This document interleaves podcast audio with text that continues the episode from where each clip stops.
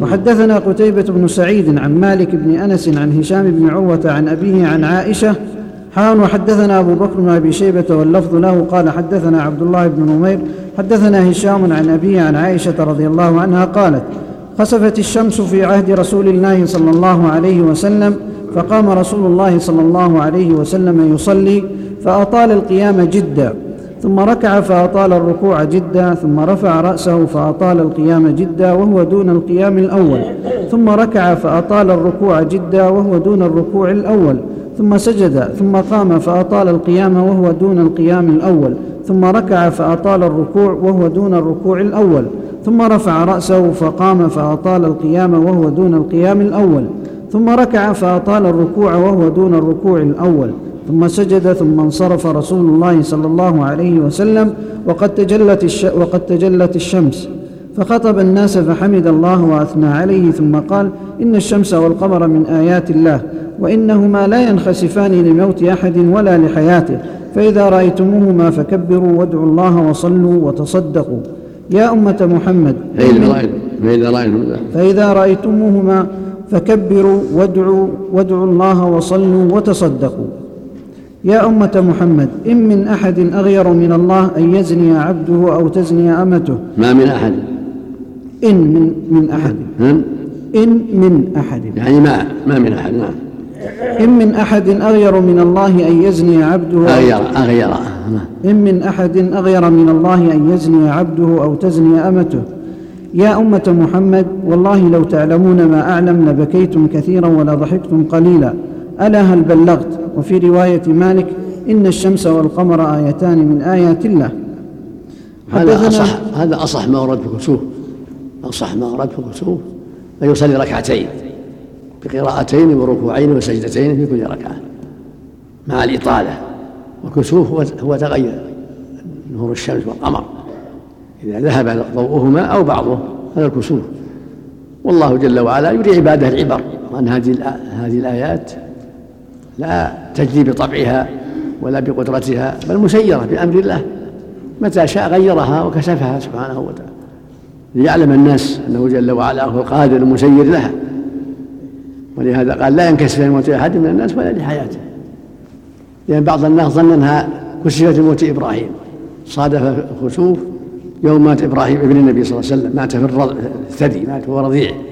فظن بعض الناس أنها كشفت من أجل موته. فقال صلى الله عليه وسلم إن الشمس والقمر آيتان من آيات الله يعني علامتان من دلائل قدرته العظيمة وأنه الخلاق العظيم الآية العلامة وأنهما لا ينكسفان ولا يخسفان لموت أحد من الناس ولا لحياته ولكن الله يخوف بهما عباده. فإذا رأيتم ذلك فكبروا وادعوا وصلوا وتصدقوا. في اللفظ الآخر في حديث موسى فإذا رأيتم ذلك فافزعوا فافزعوا إلى ذكر الله واستغفاره ودعائه واستغفاره. في اللفظ الآخر فصلوا وادعوا حتى ينكشف عبدكم في حديث عائشة هنا أنه صلى ركعتين بقراءتين وركوعين وسجدتين. كل قراءة أطول من التي بعدها وكل ركوع أطول من الذي بعده. هذا هو الأفضل والأصح. وجاء ثلاث ركوعات ثلاث قراءات وثلاث ركوعات جاء أربع ركوعات وأربع قراءات جاء خمس ولكن أصحها كما قال البخاري رحمه الله وغيره. ركعتان بقراءتين وركوعين وسجدتين وكل قراءة أطول من التي بعدها وكل ركوع أطول من الذي بعده نعم اللهم صل على بعض أهل العلم حمل عنها شاذة وهم بعض الرواة.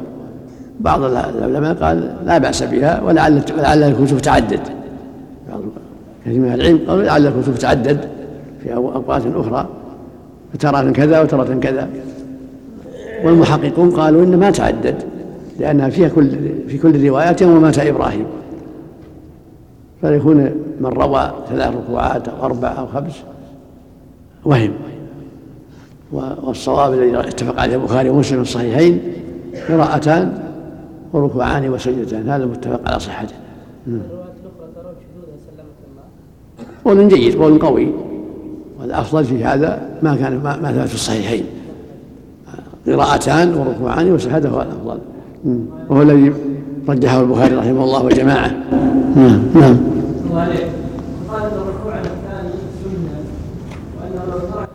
العمدة على الركوع الأول. العمدة على الركوع الأول. لو فات الركوع الأول يقضي الركعة. لأن الركوع الثاني كالتكميل. حدثناه يحيى بن يحيى أخبرنا أبو معاوية عن هشام بن عروة بهذا الإسناد وزاد ثم قال أما بعد فإن الشمس والقمر من آيات الله وزاد أيضا ثم رفع يديه فقال اللهم هل بلغت؟ حدثني حرملة بن يحيى أخبرني ابن وهب أخبرني يونس حان وحدثني أبو الطاهر ومحمد بن سلمة المرادي. قال حدثنا ابن وهب عن يونس عن ابن شهاب قال أخبرني عروة بن الزبير عن عائشة رضي الله عنها زوج النبي صلى الله عليه وسلم قالت خسفت الشمس في حياة رسول الله صلى الله عليه وسلم فخرج رسول الله صلى الله عليه وسلم إلى المسجد فقام وكبر وصف الناس وصف الناس وراءه. فاقترأ رسول الله صلى الله عليه وسلم قراءة طويلة ثم كبر فركع ركوعا طويلا ثم رفع رأسه فقال سمع الله لمن حمده ربنا ولك الحمد. ثم قام فاقترأ قراءة طويلة هي أدنى من القراءة الأولى ثم كبر فركع ركوعا طويلا هو أدنى من الركوع الأول ثم قال سمع الله لمن حمده ربنا ولك الحمد. ثم سجد ولم يذكر أبو الطاهر ثم سجد. ثم فعل في الركعة الأخرى مثل ذلك حتى استكمل أربع ركعات وأربع سجدات وانجلت الشمس قبل أن ينصرف. ثم قام فخطب الناس فأثنى على الله بما هو أهله. ثم قال إن الشمس والقمر آيتان من آيات الله لا ينخسفان لا يخسفان لموت أحد ولا لحياته. فإذا رأيتموها فافزعوا للصلاة. وقال أيضا فصلوا حتى يفرج الله عنكم.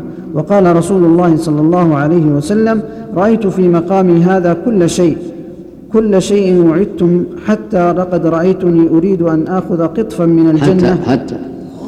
رأيت في مقامي هذا كل شيء وعدتم حتى لقد رأيتني أريد أن آخذ قطفا من الجنة حين رأيتموني جعلت أقدم.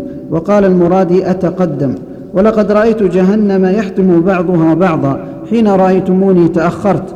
ورأيت فيها ابن لحي وهو الذي سيب السوائب وانتهى حديث أبي الطاهر ورأيت فيها ابن لحي. ورأيت فيها ابن لحي وهو الذي سيب السوائب. وهو الذي سيب السوائب. نعم. وانتهى حديث أبي الطاهر عند قوله فافزعوا للصلاة ولم يذكر ما بعده. وحدثنا محمد بن مهران الرازي حدثنا الوليد بن مسلم قال قال الأوزاعي. هذه من آيات الله جل وعلا ومن العبر أن الله رآه الجنة والنار. وهذا فيه دلالة على جواز التقدم والتأخر إذا دعت الحاجة إلى ذلك. كأن يضيق المسجد يكثر الناس فيتقدم الإمام وهو في الصلاة ليتسع المسجد للناس. أو لأسباب أخرى والتأخر كذلك. وأن هذه الحركات لمصلحة الصلاة لا حرج فيها. لمصلحة الصلاة. وهكذا كون صلى على المنبر ثم نزل ثم صعد كل هذا للتعليم. وفيه من الفوائد أن الإمام إذا صلى بالناس كسوف يخطبهم بعد الصلاة يعظهم ويذكرهم ويبين لهم أحكام الكسوف كما فعل النبي صلى الله عليه وسلم وينذرهم شر شر المعاصي شر ما حرم الله وأن الله أرسل هذه الآية تخويفا وتحذيرا للعباد من معاصيه جل وعلا. ولهذا قال فافزعوا إلى ذكره ودعائه واستغفاره فصلوا وادعوا كبروا وتصدقوا. لأن هذه يدفع بها البلاء التكبير والذكر والاستغفار والصدقة مما يدفع الله به البلاء وفيه التحذير من أهل الشر. بيان عواقبهم رأى عمرو بن لحي خزاعي يجر قصبه في النار. وهو الذي سيب السوائب وكان تأمر في مكة ودعا إلى الشرك وسيب السوائب غير دين إبراهيم. ورأى فيها أيضا رأى في النار سارق الحاج. كان بعض الناس يسرق الحجاج. يمشي بعض محجن معه مشعر يجر ما تيسر من متاعهم. سرقة فإذا فطنوا له قال ما ما تعمدت جره المشعاب ما قصدت ما, ما تعمدت. فرآه يعذب بمحجنه ورأى امرأة حبست زرة رآها تعذب في النار لأن حبستها فلا هي أطعمتها وسقتها حين حبستها ولا هي تركها تأكل من خشاش الأرض. حذر من الظلم. إذا كانت سرة عذبت فيها امرأة فكيف من حبس المعصومين وآذاهم وظلمهم؟ أو أو حبس حيوان غير الهرة كالبعير والشاة والدجاجة والحمامة؟ هؤلاء من الهرة المقصود أن الظلم شر. الظلم عاقبته وخيمة. الواجب الحذر من ظلم البهائم ومن باب أولى ظلم المعصوم من المؤمنين. نعم. أحسن الله عليك. رؤية النبي لابن الحي يعذب في النار. مع العلم أن التعذيب حيكون بعد القيامة. يريد الله عذابه سيكون يوم القيامة. نعم. يعذب في قبر كذلك في محله. نعم. نعم نسأل الله العافية. نعم. إذا لم يدرك من الصلاة الركعة الأولى إلا الركوع الثاني. نعم. إذا لم يدرك من الصلاة بالركعة الأولى إلا الركوع الثاني. يقضي الركعة يقضي الركعة. إذا ما أدرك الركوع الأول يقضي الركعة. إذا سلم الإمام يقوم يقضي الركعة بركوعيها وقراءتيها. نعم. شيخ الله يجزيك الحيوان إذا كان مؤذيا هل يجوز حبسه حتى يموت؟ لا يقتل ما يحبس. يقتل. إذا كان يؤذي هرة ولا كلب يقتل ولا يحبس. نعم. صحت صلاة في الزلزلة أو نعم. شديدة. نعم. صحت صلاة في الزلزلة. في الزلزال عفى الله عنك أو جاء ابن عباس بجماعة في نظر. ما ليس في شأن النبي صلى الله عليه وسلم فيما نعلم. نعم. من الإبل والبقر يعني لا لا تتبع ولا يشرب لبنها للأصنام تصيبها للأصنام. نعم. ثبت عن ابن عباس صفته؟ ها؟ أقول الذي ثبت عن ابن عباس صفته. الصلاة في الزلزلة. نعم تسبيح تلحاقا لها بالكسوف نعم. وحدثنا محمد بن مهران الرازي حدثنا الوليد بن مسلم قال قال الأوزاعي أبو عمرو وغيره سمعت ابن شهاب الزهري يخبر عن عروة عن عائشة رضي الله عنها أن الشمس خسفت على عهد رسول الله صلى الله عليه وسلم فبعث مناديا الصلاة جامعة فاجتمعوا وتقدم فكبر وصلنا أربع ركعات في ركعتين وأربع سجدات. وهذا هو السنة أن ينادى لها الصلاة جامعة؟ الصلاة جامعة. كما بعث النبي صلى الله عليه وسلم ينادي. الصلاة جامعة الصلاة جامعة حتى ينتبه الناس. نعم. وحدثنا محمد بن مهران حدثنا نعم. الوليد بن مسلم. خطبة تكون واحدة بعد الصلاة. هذا معروف خطبة واحدة. سواء جالس ولا على المنبر نعم. موعظة تذكير تذكير موعظة. نعم. بعضهم شبهها بخطبة الجمعة يقول. لا لا نسمع يعظهم ويذكرهم مرة واحدة فقط. وحدثنا محمد بن مهران حدثنا الوليد بن مسلم. وحدثنا محمد بن مهران حدثنا الوليد بن مسلم أخبرنا عبد الرحمن بن نمر أنه سمع ابن شهاب يخبر عن عروة عن عائشة رضي الله عنها أن النبي صلى الله عليه وسلم جهر في صلاة الخسوف بقراءته فصلى أربع ركعات في ركعتين وأربع سجدات. قال الزهري وأخبرني كثير بن عباس عن ابن عباس رضي الله عنهما عن النبي صلى الله عليه وسلم أنه صلى أربع ركعات في ركعتين وأربع سجدات. وحدثنا حاجب وهذا هو السنة الجهر بالقراءة. صلاة الكسوف في الليل أو النهار يجهر بها لأنها صلاة جامعة كالجمعة يجهر بالقراءة فيها نعم. وحدثنا حاجب بن الوليد حدثنا محمد بن حرب حدثنا محمد بن الوليد الزبيدي عن الزهري قال كان كثير بن عباس يحدث أن ابن عباس رضي الله عنهما كان يحدث عن رسول الله كان يحدث عن صلاة رسول الله صلى الله عليه وسلم يوم كسفت الشمس بمثل ما حدث عروة عن عائشة. وحدثنا إسحاق بن إبراهيم أخبرنا محمد بن بكر أخبرنا ابن جريج قال سمعت عطاء يقول سمعت عبيد بن عمير يقول حدثني من أصدق حسبته يريد عائشة أن الشمس انكسفت على عهد رسول الله صلى الله عليه وسلم فقام قياما شديدا يقوم قائما ثم يركع ثم يقوم ثم يركع ثم يقوم ثم يركع ركعتين في ثلاث ركعات وأربع سجدات. فانصرف وقد تجلت الشمس. وكان إذا ركع قال الله أكبر ثم يركع وإذا رفع رأسه قال سمع الله لمن حمده فقام فحمد الله وأثنى عليه ثم قال إن الشمس والقمر لا يكسفان لموت أحد ولا لحياته ولكنهما من آيات الله يخوف الله بهما عباده. فإذا رأيتم كسوفا فاذكروا الله حتى ينجليا وحدثني أبو غسان المسمعي ومحمد بن المثنى قال حدثنا معاذ وهو بن هشام حدثني أبي عن قتادة عن عطاء بن أبي رباح عن عبيد بن عمير عن عائشة رضي الله عنها أن نبي الله صلى الله عليه وسلم صلى ست ركعات وأربع سجدات. وحدثنا عبد الله بن مسلمة القعنبي حدثنا سليمان يعني ابن بلال عن يحيى عن عمرة أن يهودية أتت عائشة رضي الله عنها تسألها فقالت أعاذك الله من, من عذاب القبر. قالت عائشة فقلت يا رسول الله يعذب الناس في القبور؟ قالت عمره فقالت عائشة قال رسول الله صلى الله عليه وسلم عائذا بالله. ثم ركب رسول الله صلى الله عليه وسلم ذات غداة مركبا فخسفت الشمس.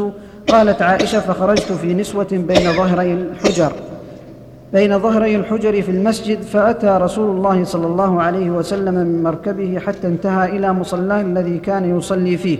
فقام وقام الناس وراءه. قالت عائشة فقام قياما طويلا ثم ركع فركع ركوعا طويلا. ثم رفع فقام قياما طويلا وهو دون القيام الأول. ثم ركع فركع ركوعا طويلا وهو دون ذلك الركوع. ثم رفع وقد تجلت الشمس. فقال إني قد رأيتكم تفتنون في القبور كفتنة الدجال. قالت عمرة فسمعت عائشة تقول فكنت أسمع رسول الله صلى الله عليه وسلم بعد ذلك يتعوذ من عذاب النار وعذاب القبر. وحدثناه محمد بن المثنى حدثنا عبد الوهاب حاء وحدثنا ابن أبي عمر حدثنا سفيان جميعا عن يحيى بن سعيد في هذا الإسناد بمثل معنى حديث سليمان بن بلال. وحدثني يعقوب بن إبراهيم الدورقي حدثنا إسماعيل بن علي عن هشام الدستوائي قال حدثنا أبو الزبير عن جابر بن عبد الله رضي الله عنهما قال كسفت الشمس على عهد رسول الله صلى الله عليه وسلم في يوم شديد الحر فصلى رسول الله صلى الله عليه وسلم بأصحابه فأطال القيام حتى جعلوا يخرون. ثم ركع حتى جعلوا يخرون. نعم. ثم ركع فأطال ثم رفع فأطال ثم ركع فأطال ثم رفع فأطال. ثم سجد سجدتين ثم قام فصنع نحوا من ذاك. فكانت أربع ركعات وأربع سجدات. ثم قال إنه عرض علي كل شيء تولجونه. فعرضت علي الجنة حتى لو تناولت منها قطفا أخذته أو قال تناولت منها قطفا. فقصرت فقصرت يدي عنه وعرضت علي النار. فقصرت. فقصرت فقصرت يدي عنه وعرضت علي النار فرأيت فيها امرأة من بني إسرائيل تعذب في هرة لها ربطتها فلم تطعمها ولم تدعها تأكل من خشاش الأرض.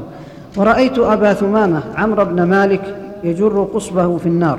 وإنه وإنهم كانوا يقولون إن الشمس والقمر لا يخسفان إلا الموت. ورأيت أبا. ورأيت أبا ثمامة. نعم. م. ورأيت أبا ثمامة عمرو بن مالك يعني عمرو بن لحي الخزاعي. نعم. الذي قاد أهل مكة إلى الشرك نسأل الله العافية. نعم. يجر قصبه في النار. وإنهم كانوا يقولون إن الشمس والقمر لا يخسفان إلا لموت عظيم. وإنهما آيتان من آيات الله يريكموهما فإذا خسفا فصلوا حتى تنجلي. وحدثني وهذا يبين شرعية صلاة الكسوف وأنها سنة مؤكدة. والقول بالوجوب قول قوي للأمر بذلك عليه الصلاة والسلام لأمره بهذا عليه الصلاة والسلام. ويبين أن كسوفها كسوفهما ليس لموت أحد ولا لحياة أحد ولكن للعظة تذكير الناس وتخويفهم من الله وتنبيههم وأن هذان المخلوقين مع عظمتهما بيد الله بقاؤهما وكسوفهما وأن الواجب تعظيم الله وعبادته وتقواه والخوف منه سبحانه وتعالى ولهذا كسفهما إنذارا للعباد وتحذيرا لهم من الركون إلى الباطل والشغل بالدنيا والغفلة عن الآخرة. فإذا وقع ذلك شرع له هذه الصلاة. وشرع لهم مع هذا التكبير والذكر قراءة القرآن والصدقة والعتق. رغبة فيما عند الله وحذرا من عقابه سبحانه وتعالى. وأصح ما ورد في ذلك ركعتان كل ركعة فيها ركوعان وقراءتان وسجدتان. هذا أصح ما ورد في الكسوف ركعتان في كل ركعة قراءتان وركوعان وسجدتان. وكل قراءة أطول من التي بعدها.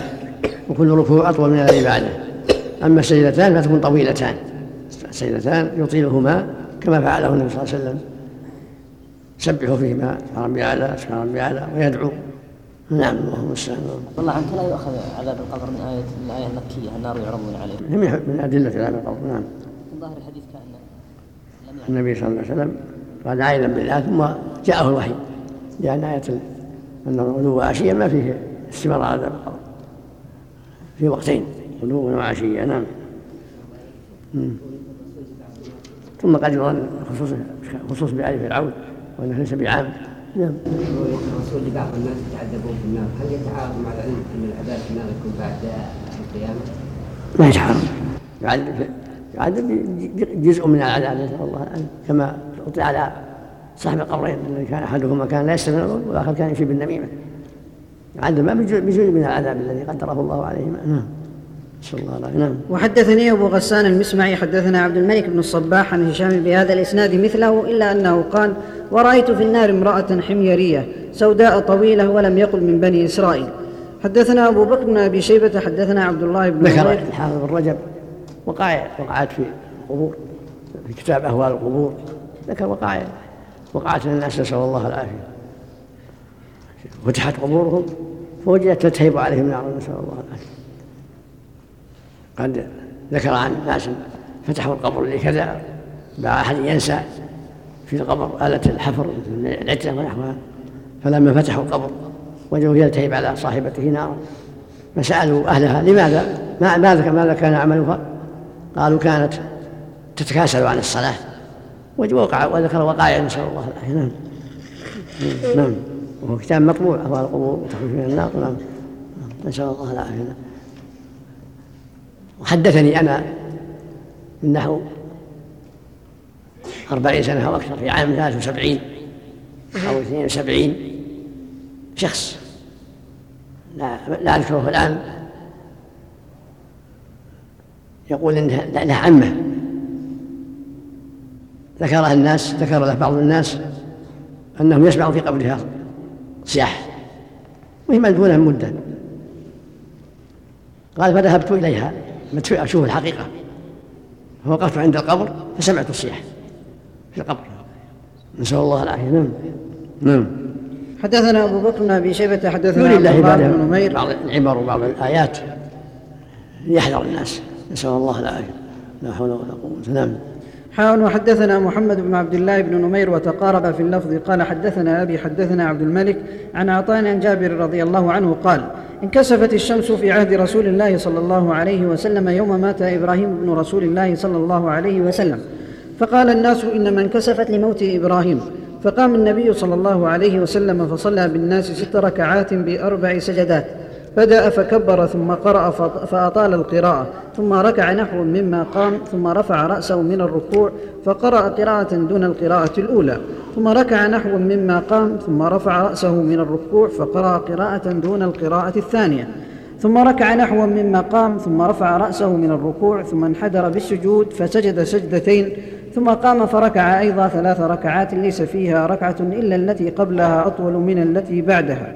وركوعه نحو من سجوده ثم تأخر وتأخرت الصفوف خلفه حتى انتهينا وقال أبو بكر حتى انتهى إلى النساء. ثم تقدم وتقدم الناس معه حتى قام في مقامه فانصرف حين انصرف وقد آضت الشمس. فقال يا أيها الناس إنما الشمس والقمر آيتان من آيات الله وإنهما لا ينكسفان لموت أحد من الناس. وقال أبو بكر لموت بشر. فإذا رأيتم شيئا من ذلك فصلوا حتى تنجلي ما من شيء توعدونه, توعدونه إلا قد رأيته في صلاته هذه. لقد جيء بالنار وذلكم حين رأيتموني تأخرت مخافة أن يصيبني من لفحها وحتى رأيت فيها صاحب المحجل يجر قصبه في النار. كان يسرق الحاج بمحجنه فإن فطن له قال إنما تعلق بمحجني وإن غفل عنه ذهب به. وحتى رأيت فيها صاحبة الهرة التي ربطتها فلم تطعمها ولم تدعها تأكل من خشاش الأرض.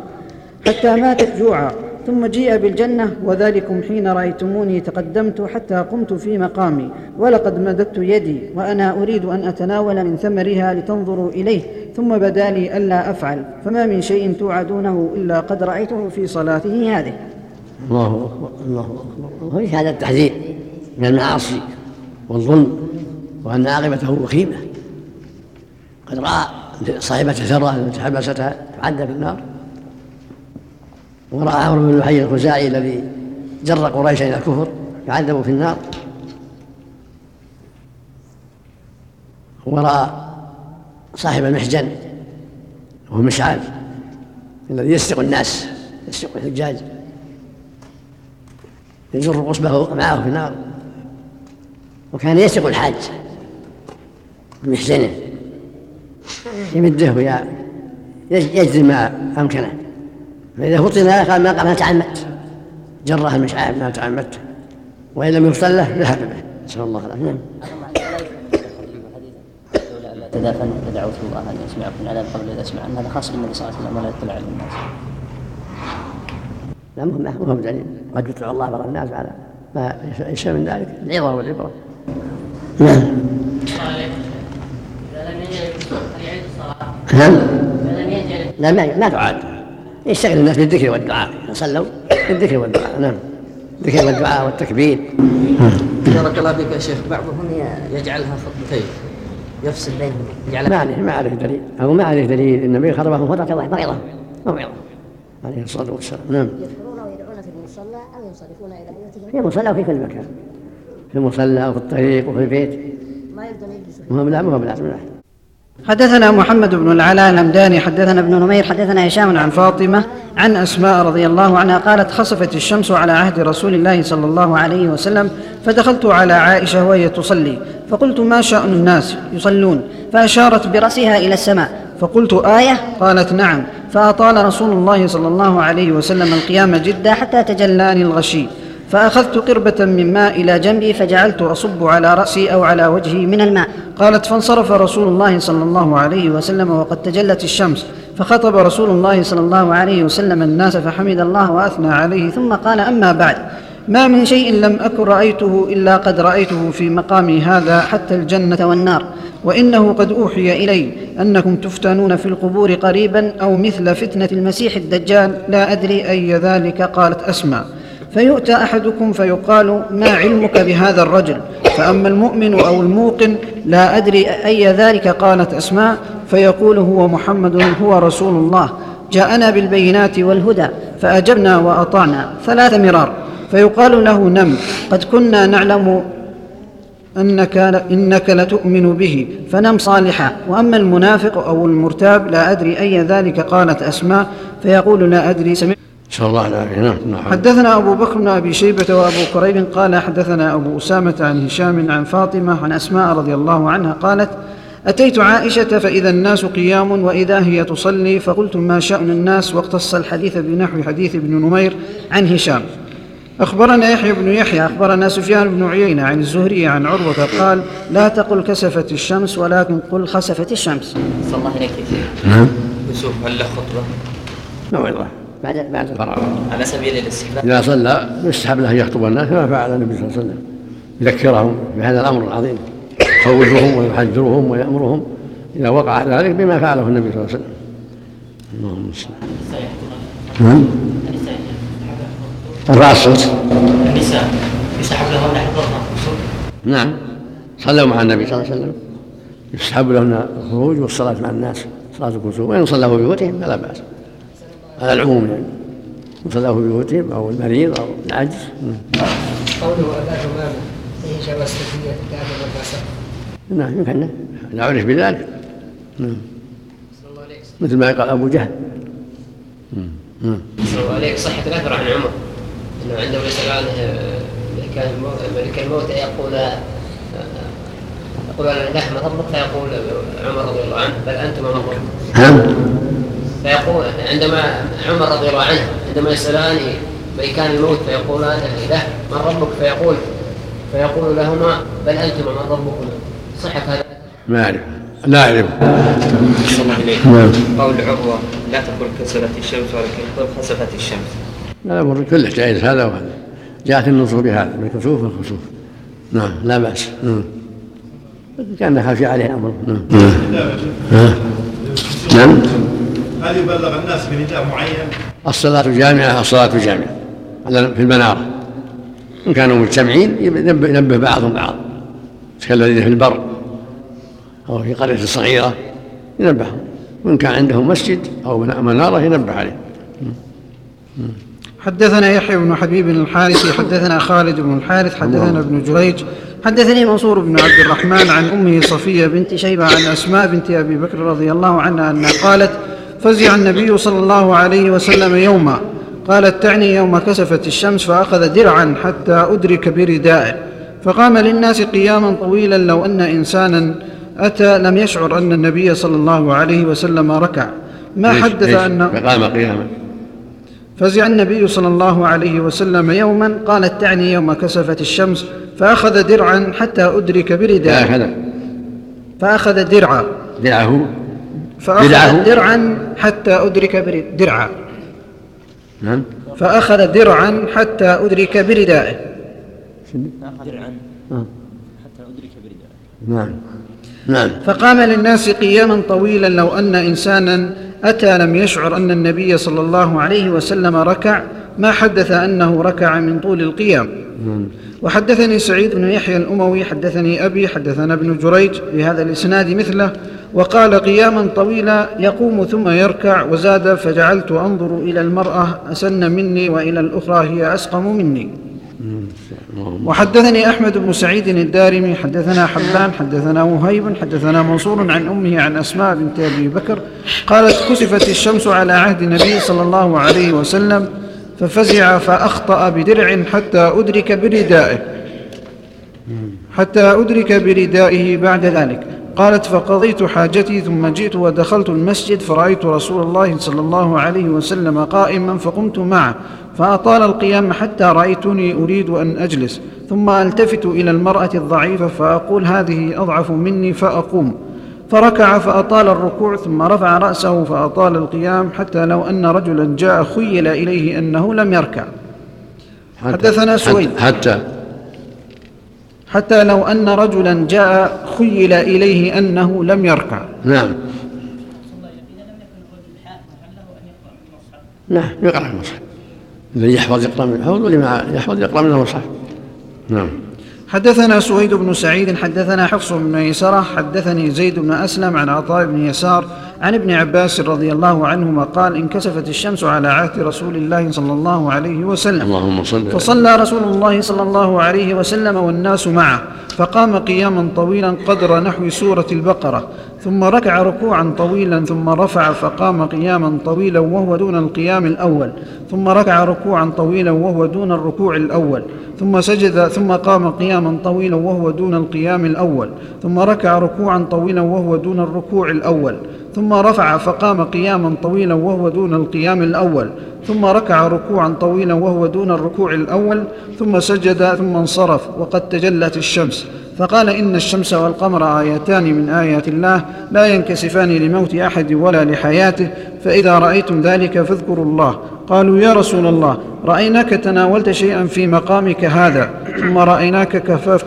فقال إني رأيت الجنة فتناولت منها عنقودا ولو أخذته لأكلتم منه ما بقيت الدنيا. ورأيت النار فلم أرك اليوم منظرا قط ورأيت أكثر أهلها النساء قالوا بما يا رسول الله؟ قال بكفرهن. قيل أيكفرن بالله؟ قال بكفر العشير وبكفر الإحسان. لو أحسنت إلى إحداهن الدهر ثم رأت منك شيئا قالت ما رأيت منك خيرا قط. وحدثناه محمد بن رافع حدثنا إسحاق حدثنا إسحاق يعني بن عيسى أخبرنا مالك عن زيد بن أسلم في هذا الإسناد بمثله غير أنه قال ثم رأيناك تكعكعت. حدثنا أبو بكر بن أبي شيبة حدثنا إسماعيل بن علي عن سفيان عن حبيب عن طاووس عن ابن عباس رضي الله عنهما قال صلى رسول الله صلى الله عليه وسلم حين كسفت الشمس ثمان ركعات في أربع سجدات وعن علي مثل ذلك. وحدثنا محمد بن المثنى وأبو بكر بن خلاد كلاهما عن يحيى القطان. سبق أن المحفوظ قراءتان وركوعان وسجدتان هذا أصح في الصحيحين وقال بعض أهل العلم إنه يؤمن بها كلها ولعلها وقعت مرات لعل الكسوف وقع مرات لأن النبي أقام عشر سنين في في المدينة فلعله وقع مرات كثيرة. في بعضها صلى ركعتين بركوعين وقراءتين في بعضها بثلاث قراءات وثلاث ركوعات في بعضها بأربعة في بعضها بخمسة كما رواه أبو داود. أما الجمهور فهذا هو اللي صححه البخاري وجماعة ترجيح ركعتين فقط بركوعين وقراءتين وسجدتين. نعم. وحدثنا محمد بن المثنى وأبو بكر بن خلاد كلاهما عن يحيى القطان. قال ابن المثنى حدثنا يحيى عن سفيان. قال حدثنا حبيب عن طاووس عن ابن عباس رضي الله عنهما عن النبي صلى الله عليه وسلم أنه صلى في كسوف قرأ ثم ركع ثم قرأ ثم ركع ثم قرأ ثم ركع ثم قرأ ثم ركع ثم سجد.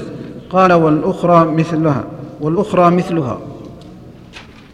حدثني محمد بن رافع حدثنا أبو النضر حدثنا أبو معاوية وهو شيبان النحوي عن يحيى عن أبي سلمة عن عبد الله بن عمرو بن العاص حاء وحدثنا عبد الله بن عبد الرحمن الدارمي أخبرنا يحيى بن حسان حدثنا معاوية بن سلام عن يحيى بن أبي كثير قال أخبرني أبو سلمة بن عبد الرحمن عن خبر عبد الله بن عمرو بن العاص أنه قال لما كسفت الشمس على عهد رسول الله صلى الله عليه وسلم نودي بالصلاة بالصلاة جامعة. يعني كسوف الصلاة الجامعة الصلاة الجامعة. يرددها مرتين ثلاث حتى يبلغ الناس. نعم. فركع رسول الله صلى الله عليه وسلم. في بعض البلدان إذا كان حصل هذا الشيء آه، الرجال والأطفال يأخذون الدفوف والصفائح يطرقونها ويجوبون في في الشوارع. وأيضا يرددون كلمة لا إله إلا الله. هذه يكون بدعة. فركع رسول الله صلى الله عليه وسلم ركعتين في سجدة ثم قام فركع ركعتين في سجدة ثم جلي عن الشمس. فقالت عائشة ما ركعت ركوعا قط ولا سجدت سجودا قط كان أطول منه. وحدثنا يحيى بن يحيى أخبرنا هشيم عن إسماعيل عن قيس بن أبي حازم عن أبي مسعود الأنصاري قال قال رسول الله صلى الله عليه وسلم إن الشمس والقمر آيتان من آيات الله يخوف الله بهما عباده وإنهما لا ينكسفان لموت أحد من الناس فإذا رأيتم منها شيئا فصلوا وادعوا الله حتى يكشف ما بكم. وحدثنا قال هذا لما مات إبراهيم في ذلك اليوم وظن بعض الناس أنها كسفت لموت إبراهيم ابن النبي صلى الله عليه وسلم. فبين صلى الله عليه وسلم أن الشمس والقمر لا يكسفان لموت أحد من الناس ولا لحياة أحد من الناس لا إبراهيم ولا غيره. ولكن الله يرسلهما يخوف بهما عباده للإنذار والتحذير وأن هذين الكوكبين المنيرين إذا أراد الله كسفهما كسفهما وهكذا إذا أراد الله أن يعاقب أحدا بعد الأمن بالخوف بعد الصحة بالمرض بعد الإغناء بالفقر إلى غير هذا. الواجب الحذر وأخذ الحيطة والاستقامة على الحق.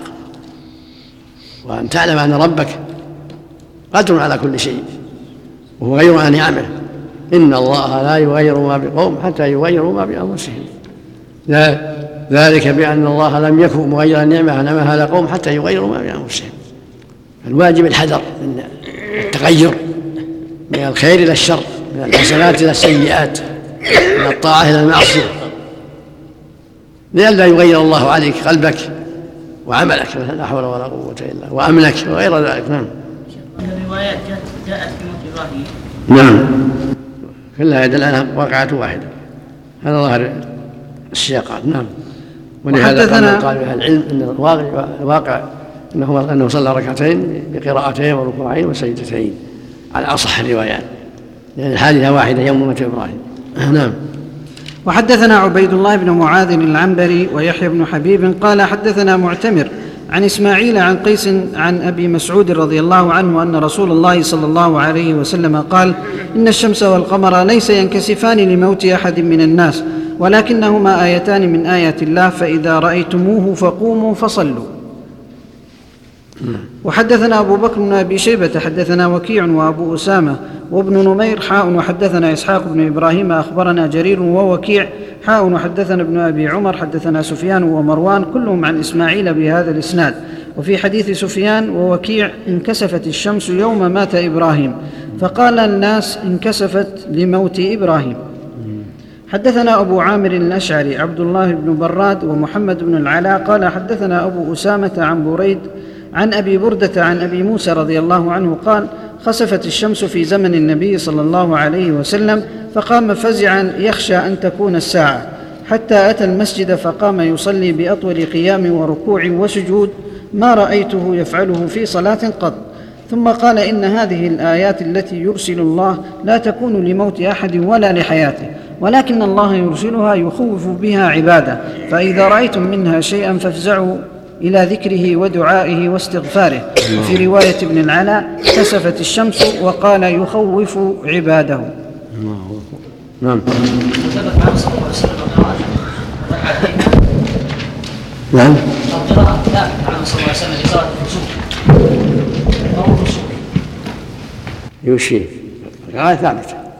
القراءة ثابتة في كسوف الشمس يعني كسف في عهد النبي كسوف الشمس والقمر مثل ذلك نعم.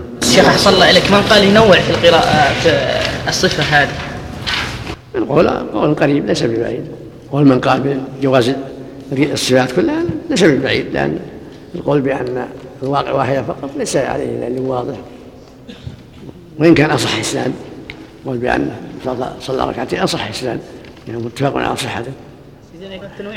لكن إذا من من نوع فلا حرج لكن أرفق بالناس ركعتان.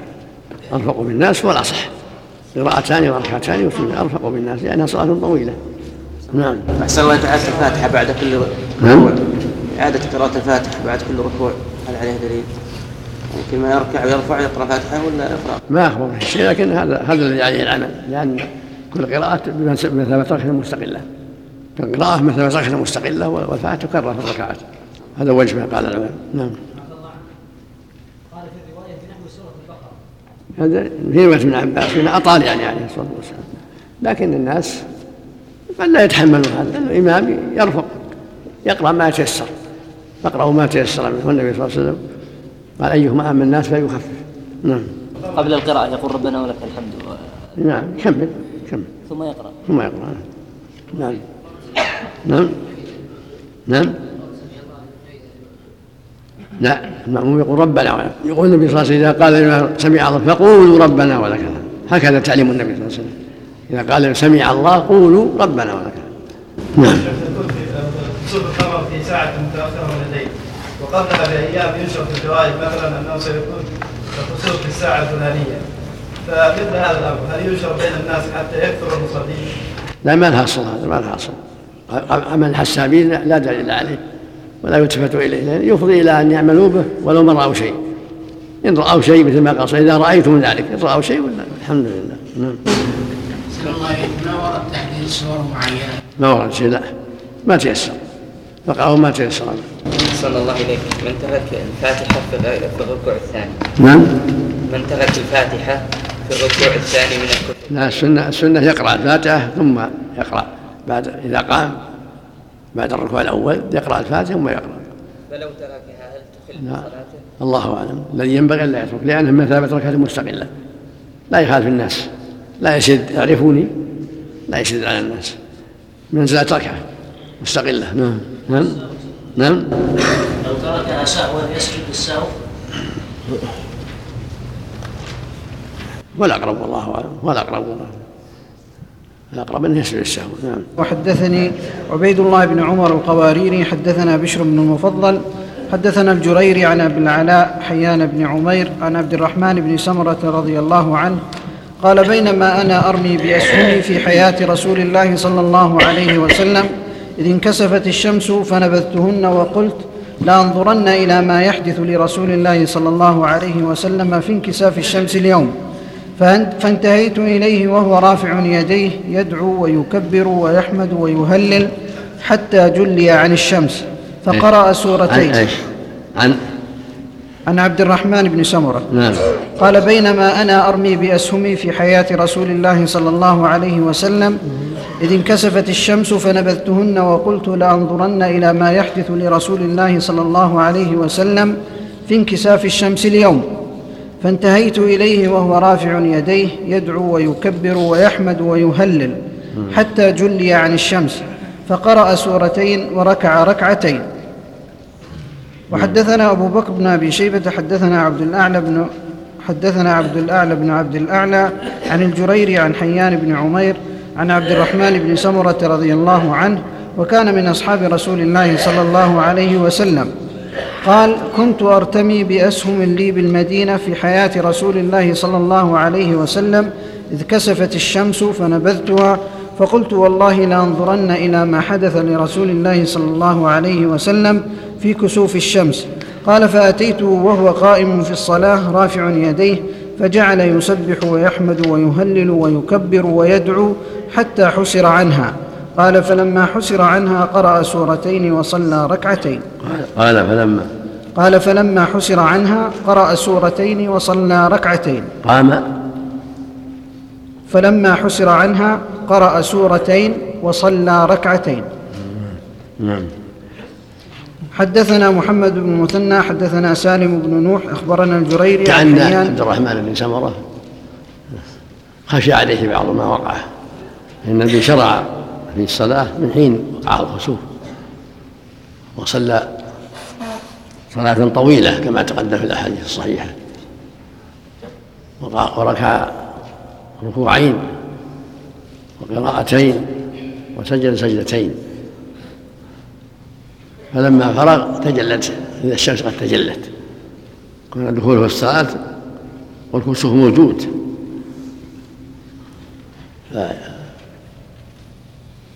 حديث عبد الرحمن بن سمرة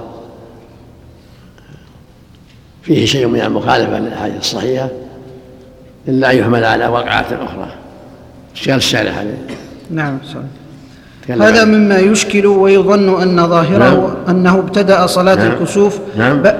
هذا مما يشكل ويظن أن ظاهره أنه ابتدأ صلاة الكسوف بعد انجلاء الشمس وليس كذلك فإنه لا يجوز ابتداء صلاتها بعد الانجلاء وهذا الحديث محمول على أنه وجده في الصلاة كما صرح به في الرواية الثانية. هذا حديث. وهذا الحديث محمول على أنه وجده في الصلاة كما صرح به في الرواية الثانية.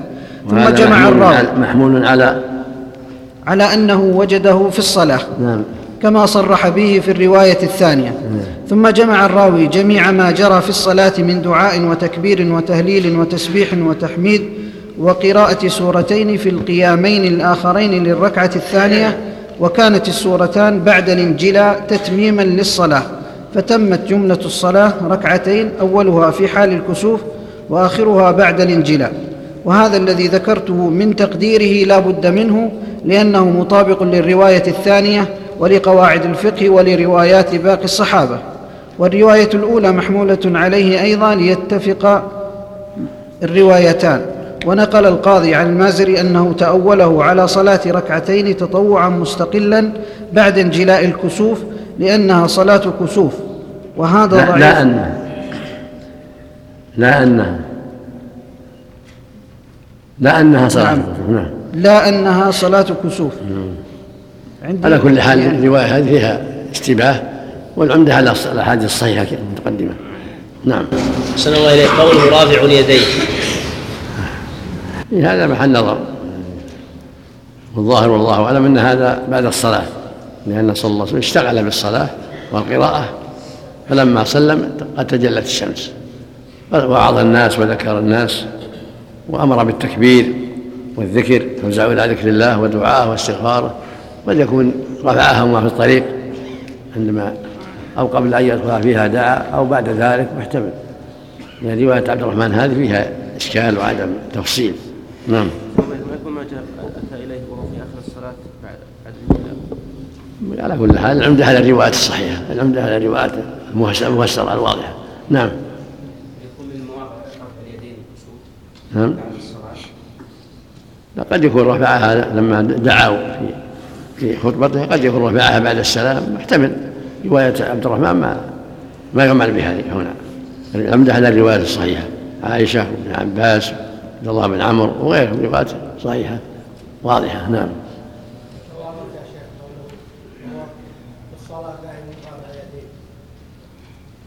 ما هو ظاهر الروايات هذه؟ فيها نظر فيها أشياء نعم. نعم. إيش؟